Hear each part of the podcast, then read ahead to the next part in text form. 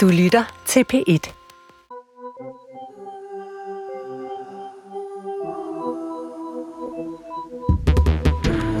Det er mørket, der tænder stjernerne. Vi kan kun se Mælkevejen og planeter og stjerner ude i rummet, når vi er et sted, der er helt mørkt. Der hvor jeg bor, bliver der heldigvis, trods et par gadelamper på Villavejen, ret mørkt. Når jeg står i min have med nakken tilbage og kigger op på den mørke stjernehimmel, begynder mine tanker at kredse om uendelighed, om vi er alene i universet, og hvad meningen med det hele egentlig er. Jeg hedder Sara Trunse, og jeg er radiodokumentarist. Jeg har de seneste år dyrket og undersøgt mørke, sammen med performancekunstner Alaya Riefenstahl og musiker Julie Jetland. Tilsammen er vi tre kunstfællesskabet Myrk. I den her serie taler vi med en række eksperter om, hvad mørket gør ved os, og vi udfører eksperimenter for selv at opleve alt det, der ligger gemt i mørket. I første afsnit tog vi tilbage i historien for at møde mørkets fyrste og undersøge, hvorfor mørket altid er blevet forbundet med det onde og uhyggelige. I det her andet afsnit oplever Alaya, hvad der sker med tankerne og fantasien, når hun er i komplet mørke i fire døgn og fem nætter. Og det er virkelig rart at få den der fuldstændig uforstyrret tid. Mine tanker begynder bare at svømme og flyde ind i hinanden. Jeg begynder at tænke virkelig, virkelig kreativt. Jeg har gang i rigtig mange projekter ind i mit hoved. Tilbage i historien har man brugt isolation i mørke som en tortur- og afstraffelsesmetode. Imens videnskaben har undersøgt kroppens og sindets påvirkning ved fravær af lys. I buddhismen bruger munkene isolation i bjerghuler til søgen efter sandhed om livet og døden. Vores mørke eksperiment foregår i et lille kælderrum, som vi har mørklagt fuldstændig. Vi har nøje udtænkt og forberedt eksperimentet i alle detaljer og indrettet rummet, så Alaya ikke behøver at forlade mørket i løbet af de fire et halvt døgn, som eksperimentet varer. Det er virkelig dejligt i det her rum, at det er så lille. Jeg har sådan alle mulige systemer, og jeg kan mærke, at der skal ikke ret meget til, før jeg bliver forstyrret. Men det der med at have et rum her, hvor jeg ikke skal andet end altså, at være alene med mine tanker, bevæge mig lidt og spise lidt, ikke andet. Det er sådan absolut ingen stimuli. Vi vender tilbage til mørkerummet, men først skal vi høre om, hvordan mørket har inspireret kunstnere igennem tiden. Hellige nat, hellige nat, stjerneomsluttet himmelfred. Alt, hvad lyset har skilt, er forbundet. Det her er kunsthistoriker Ursula Klint Nielsen, og citatet om den hellige nat og mørkets evne til at forbinde alt det lyset skiller, er fra den tyske digter Clemens Brentano. Romantikken var sammen med symbolismen modreaktioner på oplysningstidens skråsikre tro på, at kun fornuften og videnskaben kan give os klare svar på verdens mysterier. Ursula kalder symbolismen for uklarhedens æstetik. Uklarhed, det er fascinationen af, af mørke, og motivisk har man uklarheden. Og så det er også sådan noget som, som uklarhed, som, som det grænsenedbrydende. Det, der slører grænserne mellem de ting, som, som den moderne kultur kunstigt har adskilt. Og det kan natten om noget være et meget flot billede på. Det er jo det her sammensmeltende mørke, hvor i ældre tiders malerier, hvor man har måske en enkelt lyskilde, det kan være et, et lille spinkelt starinlys eller, eller en fuldmåne, og de lyser jo så en lille bitte bid af, af motivet op, og resten, det, det er bare noget, man kan ane. Og der kan virkelig gemme sig så meget i det mørke. Vi finder ikke underligt blandt symbolisterne mange nattemennesker. Altså, jeg kender det fra mig selv, at man, man sidder oppe øh, på et tidspunkt af døgnet, hvor, hvor det er meget tyst, og man har en eller anden følelse af, at alle andre de sover, så man er her lidt alene. Og, og jeg synes bare, at jeg har fået nogle af mine bedste idéer lige omkring midnat. Og det er som om øh, mørket gør noget ved en, en der. Det hjælper en til at, til at reflektere. Det rummer bare sådan en dragende mystik. Og det har den her tvetydighed i sig. Altså det, jeg synes, det, der er meget bedre plads til kontraster. Altså de der kontrasterne med, med det ekstremt nære og det ekstremt fjerne, frem for den rationelle, passende afstand. I, i dagslys, der har man jo en, en, man kan sige en passende afstand til tingene, som man rationelt kan, kan handle Men når det bliver mørkt, så mister man den. Men hvad får man så til gengæld? Man kommer måske meget tættere på. Mennesker de kommer tæt på hinanden. Og man kommer til at kigge ind i sig selv. Men man får også det ekstremt fjerne. Altså man kan jo se helt til stjernerne. Så natten har virkelig det her potentiale til at gøre en visionær. Det her, de rigtig dybe tanker bliver, bliver tænkt. Jeg kan godt forstå, at symbolisterne og romantikerne savnede, at der var plads til de store følelser og de store spørgsmål. Det er netop det, jeg selv elsker ved at kigge på stjerner. Jeg bliver mindet om, at jeg bare er en lille bitte del af et stort univers og en lang historie, der er forbundet. Det er de samme stjerner, som store kunstnere og videnskabsfolk og bønder og børn fra hundreder og tusinder år tilbage har set på. Og det er de samme stjerner, som min søn vil se, når han er voksen, og jeg ikke er her mere. Så kan astronomien fortælle noget om, hvordan vores eget solsystem det startede, og hvad skal der til for, at der for eksempel kan komme liv på en planet som Jorden. Michael Lindholm Nielsen er astrofysiker ved Brorfelde Observatorium. Det er, det er bare det der med, at det er noget, som, som altså virker utroligt fjernt, men alligevel så kan det fortælle rigtig meget om, hvem, altså hvor vi er og sådan nogle ting. Altså det er nysgerrigheden, som driver værket, tror jeg. Hvis ikke man har nysgerrigheden, så tror jeg ikke, man bliver astronom. Her er mørket fredet for at få de bedste betingelser for at kunne observere og forstå det, der sker på den mørke himmel. Jamen, hvis man skulle sige det sådan lidt klichéagtigt, så mørket det er jo med til at sætte lys på tingene, fordi hvis ikke vi havde mørke, så kunne vi ikke se de her fjerne stjerner og galakser og sådan noget. Altså, de vil, det vil være en helt anden verden. Vi vil være, det vil være ligesom at bo i en, i underhavet eller i en, øh, et akvarie, øh, og ikke kende verden udenfor. Altså, det vil være totalt aflukket. Så kan man så sige, at der er nogen, der stiller spørgsmål. Når man så når til at kunne se de her fjerne galakser, sådan noget, så stiller det spørgsmål om, hvad, hvor langt kan vi se, og hvad ligger der uden for det der hvad er universets øh, slutning, og hvor unik er vores sol, og hvor unik er vores solsystem. Og, så det er jo i virkeligheden en, et, en indsigt i ens selv, kan man jo sige.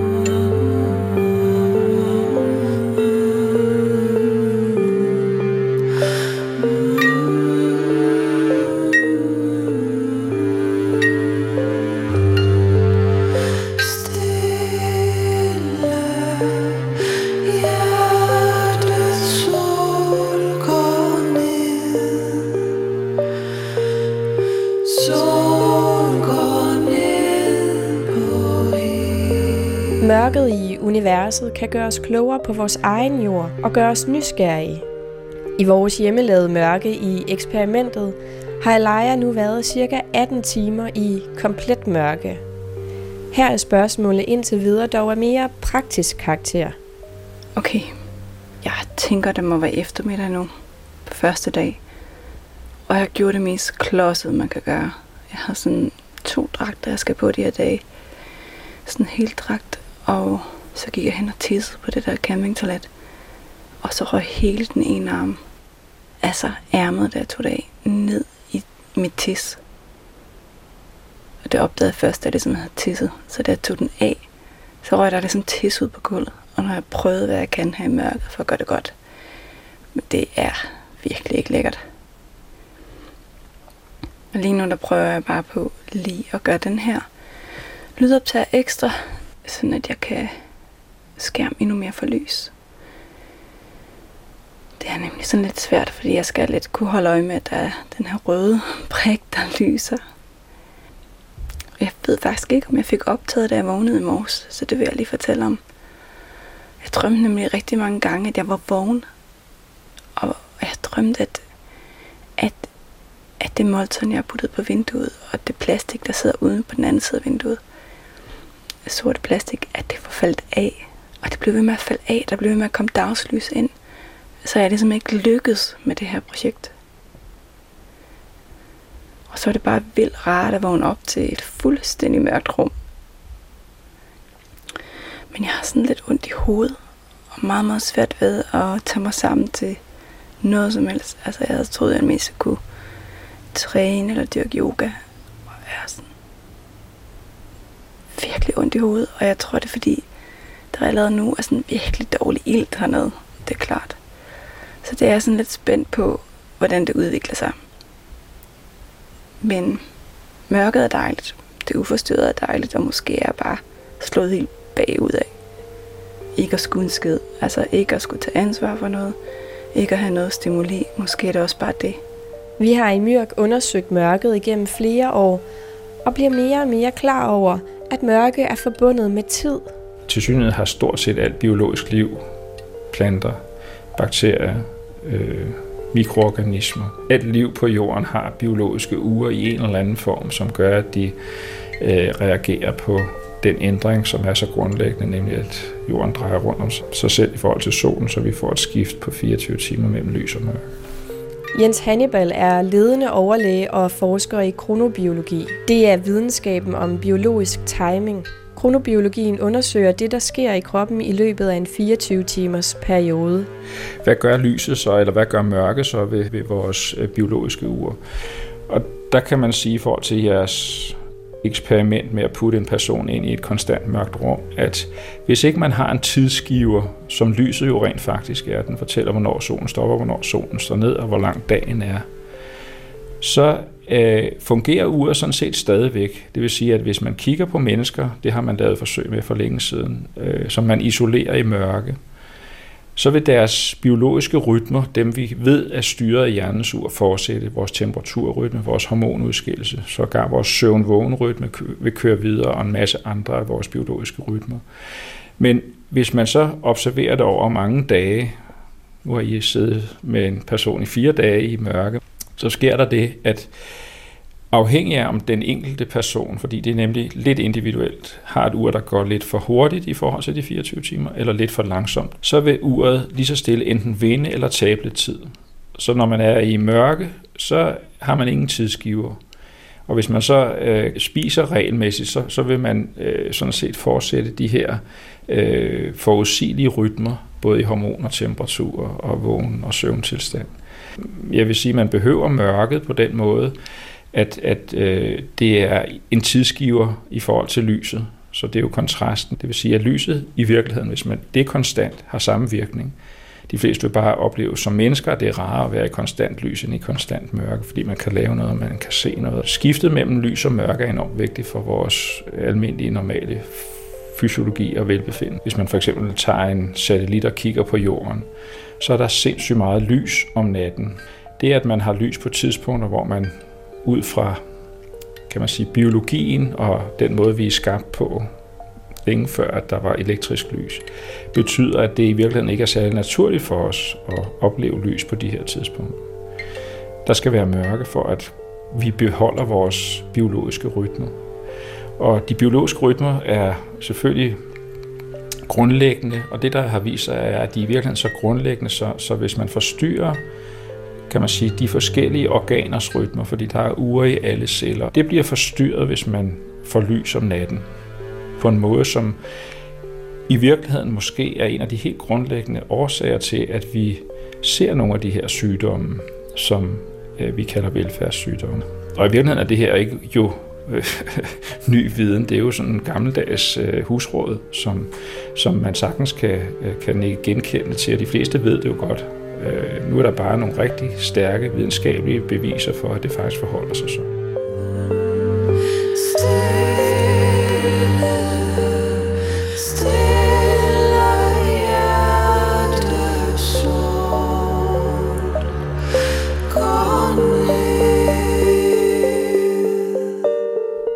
Kronobiologien viser, at alle væsener på jorden og alle celler i vores krop har indbygget uger, som er styret af lys og mørke, og som har brug for det naturlige skifte mellem lyset og mørket for at kunne fungere optimalt.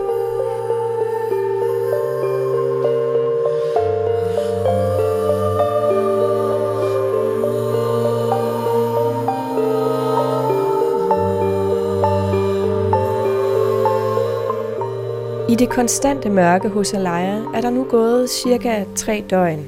Jeg tror simpelthen, jeg har siddet eller ligget som en dognbjørn en hel dag. Det er helt vildt, hvad der sker.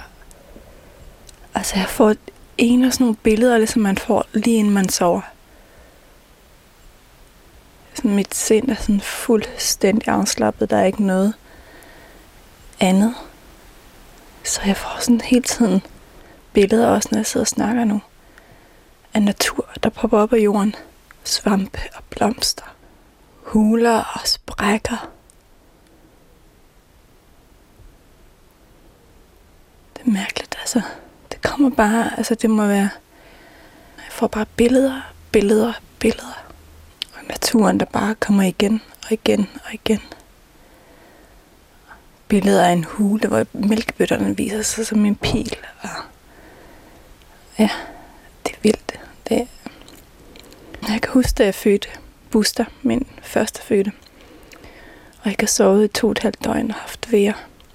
Så det sidste faldt jeg i søvn imellem vejerne. Og Jesper, min mand, sagde, at jeg bare var væk. Altså, 30 sekunder nogle gange. Men det føltes som om, jeg havde fået den dybeste søvn. Og der er et eller andet ved det her, der minder mig om det. Jeg kan simpelthen ikke huske, om jeg har sovet i dag. Og så jeg, jeg kan ikke tage mig sammen til noget som helst. Jeg gider ikke gå over tis. Jeg gider ikke spise. Jeg kunne godt bare ligge som sådan en bjørn, indtil jeg faldt i søvn, tror jeg. I mørkerummet flyder tiden, og drøm og virkelighed smelter sammen. Ude i det mørke univers flyder tiden også, og det kan være svært at begribe den helt store historie, som vi er en del af. Men det er netop det, astronomien kan hjælpe os med. Her er det igen astrofysiker Michael Lindholm Nielsen. Det er med til at give os en forståelse af, hvor stammer, hvor kommer solen fra, hvor kommer jorden fra, hvor kommer solsystemet fra. Og det kan vi kun gøre, når vi kan kigge de her fjerne ting øh, og sammenligne med vores egen sol og vores egen solsystem. Øh, på den måde så får vi en bedre forståelse af, hvor, hvor gammel er vores sol, hvor lang tid har vi igen, øh, og sådan nogle ting. Så kan vi lige pludselig sætte nogle tal på nogle ting. Det er jo det, det ultimativt handler om i naturvidenskaben. Prøve at få, få sammenholdt tingene og få en bedre forståelse af vores egen placering i, i universet. Altså, hvad betyder mørket for en astronom? Hvis ikke, hvis ikke vi havde mørket, så kunne vi heller ikke se lyset fra de her stjerner, som ligger langt ude i universet. Så på den måde, så betyder det jo, at vi kan være med til at opdage nye ting derude i universet. Så det er mere den der nysgerrighed. Fordi hvis det, hvis det aldrig var mørkt, så den eneste ting, vi kunne se, det var solen, vores egen sol. Fordi så ville det jo bare være lys, så ville det jo bare være lys fra vores egen sol.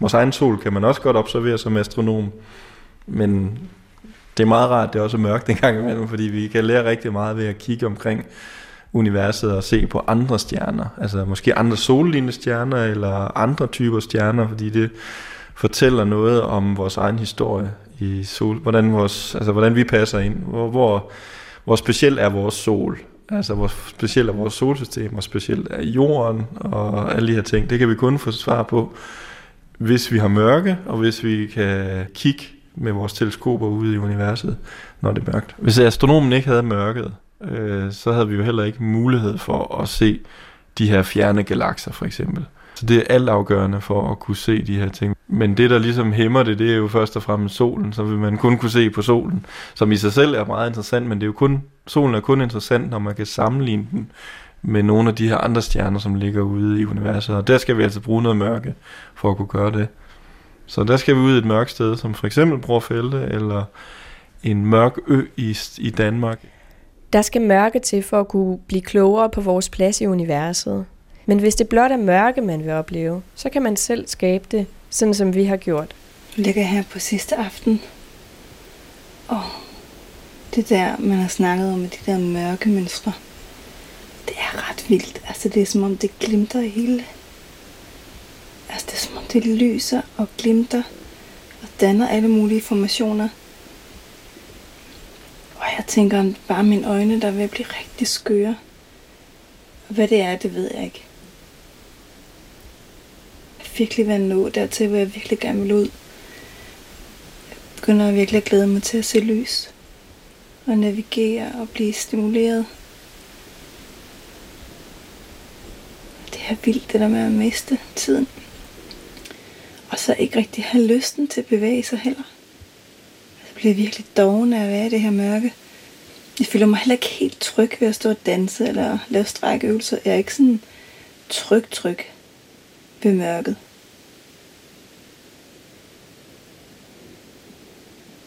Det har været de fleste dage, men lige i dag, der er bare helt skrøbelig, og jeg tror, det er, fordi jeg er træt. I nat vågnede jeg for eksempel med et mareridt. Oh, det var noget med familie, det der med, at jeg ikke har nogen kontakt med dem og ved, hvordan de har det. Så det er sådan... Det er sådan enormt spændende at være her, og det har virkelig været dejligt de første tre dage. Nu har jeg bare fået nok. Altså nu, nu vil jeg egentlig gerne ud. Og jeg er glad for, at jeg bliver, for ligesom at få den sidste dag med, og virkelig gå ud i morgen og opleve den der solopgang. Men jeg savner virkelig min familie. Natten er så stille,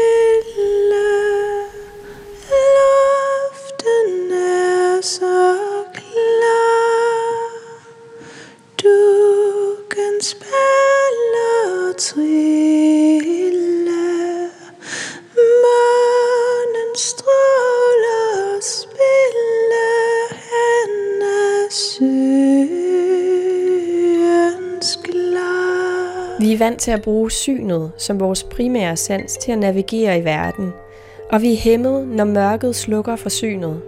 Den måde, som mørket kan vække de øvrige sanser på, har også interesseret mange kunstnere igennem tiden.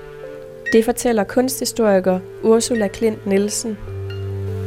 De symbolistiske kunstnere, de mente, at det var videnskabens opgave at adskille fænomenerne, som man klart, det var den nødt til for klart at kunne, kunne forstå dem.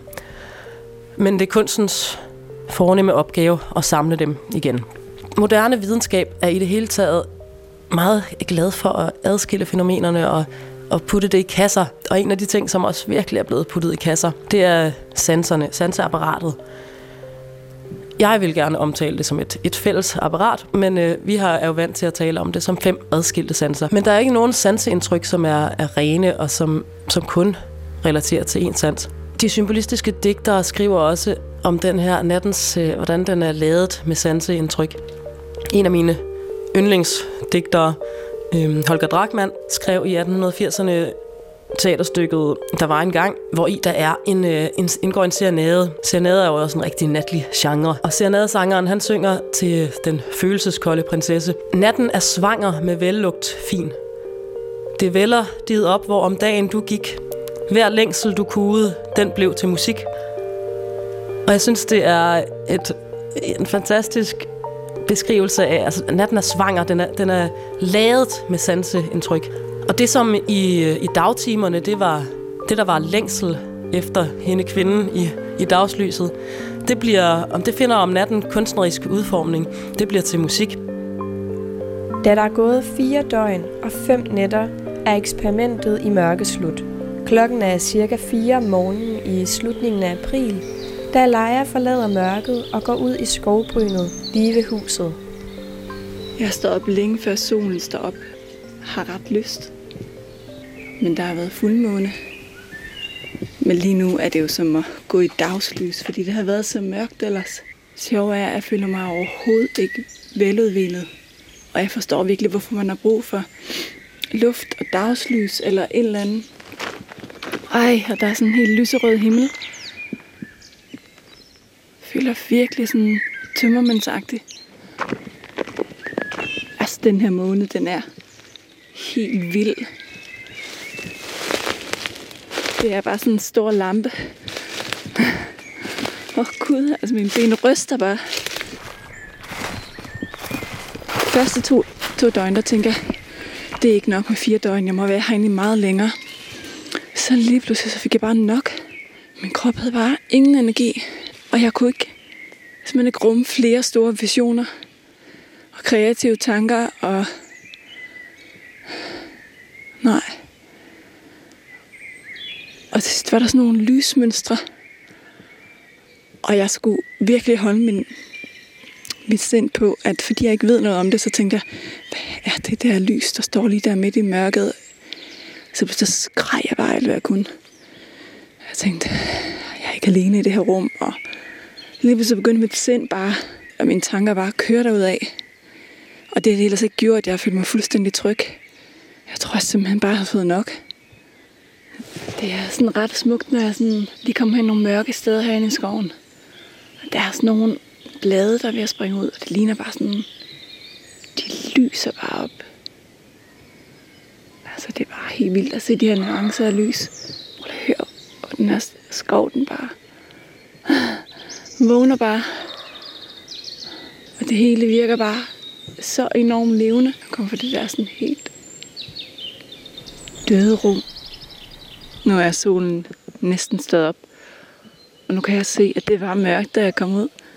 Fordi alle farver, de titter bare frem. Og før da jeg gik ind i skoven, der så jeg slet ikke, at der var gule blomster over alt på jorden. Bare sådan for en farve af gangen. Så det er jo helt vildt, når man ikke kun har set mørke i så lang tid. Sådan bæl mørkt.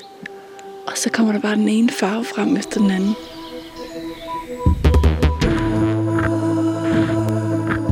Sindet bliver sat på prøve, når der ikke er andet end ens egne tanker og konstant mørke at forholde sig til. Der var inspiration og vilde kreative idéer og visioner, som dog vendte og blev til vrangforestillinger, hvor virkeligheden smeltede sammen med fantasi, drømme og mareridt. Jeg forstår godt, hvorfor kunstnere har været inspireret og draget af alt det, der er gemt i mørket. Vores liv starter i mørke. I næste afsnit skal vi prøve på egne kroppe, om man kan genskabe oplevelsen af livmorens mørke, når vi prøver såkaldt flydeterapi. Hvilken effekt kombinationen af mørke, stillhed og vægtløshed har på krop og sjæl, må du høre mere om i næste afsnit af Gemt i mørket. Tak fordi du lyttede med. Serien er produceret af Mørk.